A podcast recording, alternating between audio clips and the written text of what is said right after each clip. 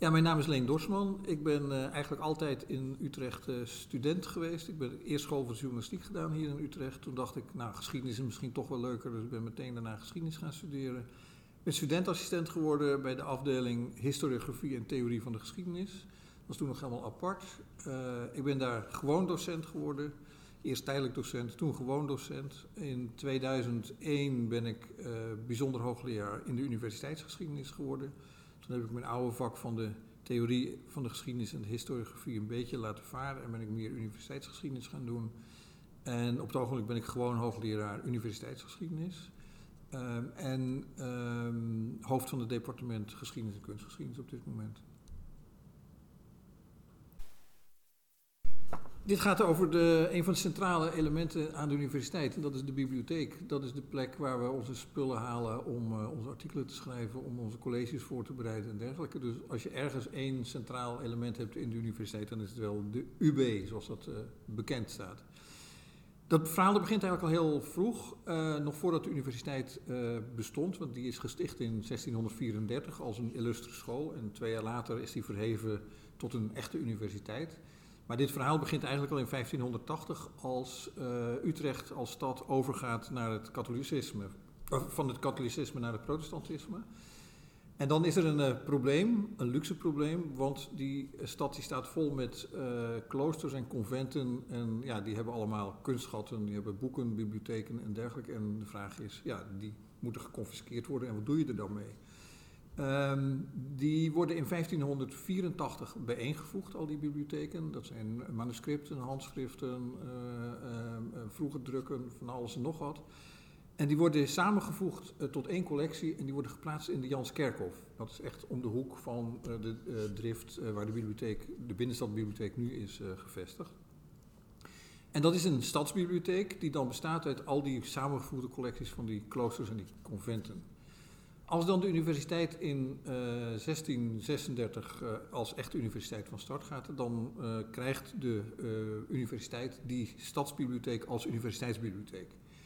Die blijft dan nog helemaal gevestigd in het koor van de Janskerk. Ehm, heel veel boeken staan daar aan kettingen. Je kent dat, die verhalen wel van middeleeuwse bibliotheken waar het ook het geval is hier zijn ook een deel van die boeken, omdat ze uit die kloosters komen, ook wel uh, aan kettingen vastgelegd. Uh, reizigers die Utrecht aandoen in die vroegmoderne tijd, die vinden dat heel apart dat er kettingen aan boeken liggen. Ze vinden het ook wel apart dat er bijna niemand te zien is in die, in die bibliotheek. Uh, want het is ook nogal lastig, met name in de winter. Die kerk is steenkoud. En het is helemaal niet prettig om daar te zijn. Uh, degene die de bibliothecaris is, die heeft daar echt reumatiek aan overgehouden. En dat is gewoon bekend. Dit is niet de plek waar je moet wezen. Dus dat blijft wel een tijdje een, uh, een probleem. Dan aan het eind van de uh, 18e eeuw krijgen we de Fransen hier over de vloer, zeg maar. En in 1806 wordt Nederland het Koninkrijk Holland, uh, onder leiding van koning Lodewijk Napoleon. Dat is een broer van Napoleon die overal in Europa familieleden aan het hoofd van koninkrijkjes zet. Zoals ook hier. Um, Lodewijk Napoleon woont in Den Haag, want ja, dat is de plek waar, het centrale, dat, waar de centrale regering uh, altijd gezeten heeft.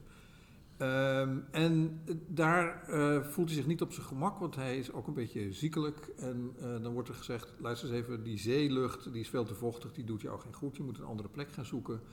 En dan is er een plek in Nederland die bekend staat om uh, zijn goede lucht. En dat is zeg maar de Utrechtse, uh, uh, het gebied om Utrecht heen. En dan met name de kant van Zeistop, waar de zandgronden beginnen en waar het droger begint te worden. Nou, dan wordt er omgekeken naar een mogelijkheid om hier te gaan wonen. En dan valt zijn oog op een aantal huizen die hier aan het eind van de drift staan. Waar dus nu de bibliotheek is. En hij uh, laat dat verbouwen. Dus er worden wat stukken bijgebouwd, er worden huizen aangekocht, er worden dingen afgebroken. Um, er wordt een uh, grande galerie gebouwd zelfs, uh, een balzaal en er staat een klein remonstrants kerkje helemaal aan het achtereind. En dat, dat wordt eerst gebruikt om daar de katholieke mis te, op te dragen. En die wordt op een gegeven moment afgebroken en die wordt bij dat hele complex gevoegd. Dan heb je daar op het eind uh, van een nou, langwerpig gebouw heb je uh, dus de, uh, een, een, balzaal, een grande galerie, en op het eind een, een, ja, een kapel, eigenlijk voor de koning speciaal. Nou, zijn woonvertrekken die worden in die huizen die daar staan, worden verbouwd als het ware. Ehm, nog herkenbaar ook, waar nu de kantine is bijvoorbeeld van de, uh, de van de bibliotheek, uh, dat is de uh, slaapkamer des konings geweest. Dus als je daar een kroketje zit te eten, of nou, tegenwoordig kan het niet meer, maar als je daar koffie zit te drinken, dan doe je dat in de slaapkamer van de koning. In de tussentijd is nog wel steeds die bibliotheek in de, in de Janskerk aanwezig. Uh, er gebeurt ook niet zo heel veel meer mee. Uh, er wordt ook niet echt uitgebreid meer. Uh, nou, het zijn met name die oude boeken die uit de, nou, uit de middeleeuwen nog stammen, die uit de kloosters gekomen zijn, die daar de kern vormen. Lodewijk Napoleon is een beetje wispelturig, want uiteindelijk, hij laat het verbouwen, maar ik geloof dat hij hier een maand gewoond heeft. En toen dacht hij, ja, eigenlijk is het centrum van Koninkrijk Holland is Amsterdam, dus ik vertrek naar Amsterdam. En hij wil naar Amsterdam, dat doet hij dan ook. Hij komt af en toe nog even terug uh, als ja, de plek op, als hij op doorreis is of iets dergelijks. Dus, dus echt gewoond heeft hij er niet. Dus hij, heeft, hij er een tijdje is hij er verbleven, wat maanden. Uh, maar in 1808, 1809 is hij alweer naar Amsterdam vertrokken. En komt er dan zelden meer terug. Nou, hij wordt door zijn broer uh, in 1810 afgezet. En dan nou, wordt het grote imperium waar maar één keizer is en dat is Napoleon. Die is hier ook nog één keer geweest en die heeft daar gelogeerd. en dan als het Napoleontische keizerrijk uh, verdwenen is, dan logeert de, het tsaar van Rusland daar nog een keer in 1815 geloof ik, of zoiets, of 18, ja, iets in die buurt. Um, en dan, ja, dan staat het leeg. En dan komt er een idee van, zouden we daar niet onze, onze bibliotheek in kunnen vestigen? We kunnen daar beter, uh, zeg maar, het zijn betere omstandigheden uh, om de boeken te bewaren. We hebben meer ruimte. En er komt ook het idee, we moeten misschien wat meer ehm, meer gaan doen aan die bibliotheek. Er moet uitgebreid worden, er moet gemoderniseerd worden, er moeten meer boeken worden aangeschaft. Er wordt een jongere bibliothecaris uh, aangesteld, uh, professor Van Heusden, professor in de geschiedenis, het Grieks en de welsprekendheid, dat soort dingen uh, doseert hij. En die is heel enthousiast en die gaat aan de slag.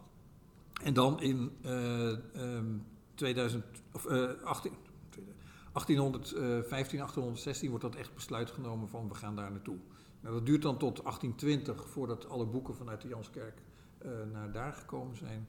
Maar dan is het echt een begin van een nieuwe bibliotheek. En er wordt dan een nieuwe catalogus gemaakt in de 19e eeuw. Uh, de boeken worden uh, op rijen gezet.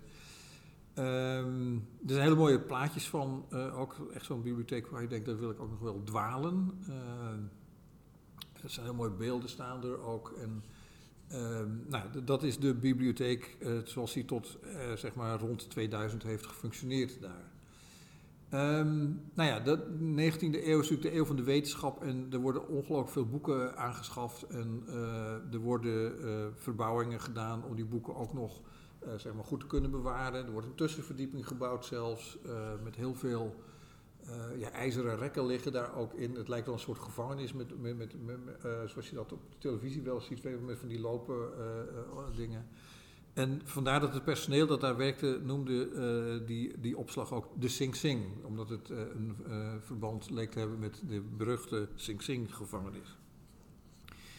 Na de Tweede Wereldoorlog explodeert de universiteit sowieso.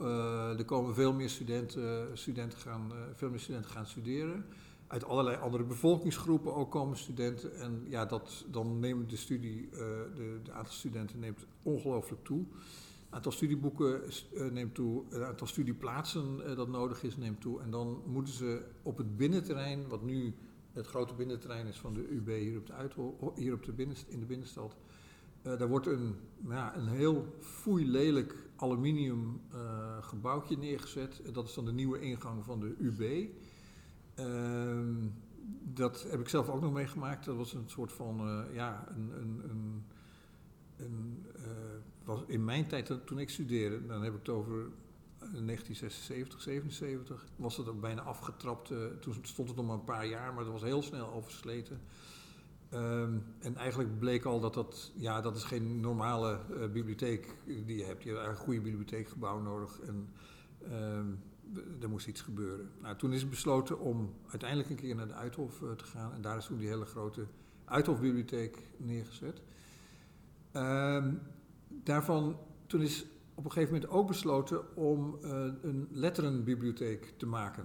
Dus uh, je moet je de situatie voorstellen van de bibliotheken. Um, de faculteit bestond uit heel veel losse instituten het Instituut voor uh, Spaanse taal en letterkunde, het Instituut voor Engels, het Instituut voor Geschiedenis. Je had een Instituut voor Middeleeuwse Geschiedenis, dat heeft nog hier ook op het eind van de drift uh, gezeten op nummer 31. Dat was een echt instituut uh, met een eigen bibliotheek. Ehm, toen ik studeerde, studeerden we op de Kromme Nieuwe Gracht en daar had je de bibliotheek voor volgens mij oudheid, nieuwe geschiedenis, contemporaine geschiedenis. Die hadden allemaal in die gebouwen een kamer en er waren een eigen bibliotheek. Nou, toen is in de jaren tachtig besloten om in dit deel uh, van de UB uh, in ieder geval een letterenbibliotheek te maken waar alle letterenstudies, bibliotheken bij elkaar werden gezet. dat ging ook samen met een verdere integratie van de faculteit, dat mensen met vakken, dat je makkelijker vakken van geschiedenis bij kunstgeschiedenis kon volgen of bij Engels of of bij Nederlands, zeg maar. Dus een integratie van die faculteit ging gepaard met een integratie van de bibliotheken. En dat vond allemaal hier plaats. Nou, toen de bibliotheek zo rond 2000, de UB, centrale UB, naar de Uithof ging, toen is het nog een keer verbouwd. En ja, daar hebben we dan de UB, uh, zoals die hier op de drift staat, uh, aan te danken. En die is dus helemaal uh, voor geesteswetenschappen en voor rechten. Dat is echt een, een alpha-gamma-bibliotheek soort geworden. En ja, dat is eigenlijk het hele verhaal. Dat begint dus in 1580 als die, als die bibliotheken van die kloosters in beslag genomen worden. En dat gaat via het samenplaatsen van al die boeken um, in de Janskerkhof met de hele bibliotheek dan uiteindelijk in, in 1815, 1820 hier naar de Drift. Uh, daar is toen ook nog uh, daarnaast een, uh, het archief uh, gebouwd. je ziet het soms nog terug in het gebouw van nu onze bibliotheek hier. Er zit een bepaalde type stalen constructie in die nog uit de tijd zijn van dat hier het gemeentearchief gevestigd was. Want dat moest natuurlijk niet op houten planken liever, maar op stalen constructies, zodat als de brand zou uitbreken, dat niet alles meteen in de fik zou gaan. En zo heeft dit, dit complex hier een, ja, een hele ingewikkelde geschiedenis van uh, het Huis van de Koning uh, tot aan de bibliotheek en een archief en dergelijke. En soms zijn het losse huizen geweest die weer aan elkaar gemaakt zijn. Je ziet het ook als je de ingang van de drift binnenkomt uh, op drift 27 met die grote houten deuren. Dat als je daar naar de, naar de bibliotheek loopt, dat je dan ergens een, een, een huisje ziet van steen aan de linkerkant. Ja, dat is eigenlijk omdat het een doorgang was zonder dak. Dus dat dak is er helemaal opnieuw opgemaakt. waren huizen die los van elkaar stonden. Daarnaast zijn natuurlijk allerlei andere panden geïncorporeerd uh, daarin. Dat zijn dus die huizen die allemaal zo rond uh, het binnenplein uh, zijn gebouwd. En het grote huis hier aan de overkant, Drift 25, dat is een 18e eeuwse, dus aan de binnenkant niet zo heel erg veel meer van over, maar het is een hele mooie 18e eeuwse hardstenen gevel. Ehm, van een familie die daar al een hele tijd heeft gewoond. Die hebben toen daar een ja, echt een mooie, mooi pand neergezet om indruk te maken. En ja, dat is ook het pand dat ik vanuit mijn werkkamer zie. Dat vind ik altijd erg wel leuk als ik hier zit en ik kijk zo naar buiten. Dat ik heel die geschiedenis van die bibliotheek en die huizen hier. En trouwens, dat is ook eigenlijk de plek waar het uh, Kunsthistorisch Instituut heel lang heeft gezeten. Dat onderdeel uitmaakt van ons departement. Um, nou, zo zie ik die hele geschiedenis uh, zie ik langs me heen gaan als ik daar op mijn kamer zit te werken. En dat geeft altijd een, een heerlijk gevoel, zou ik willen zeggen.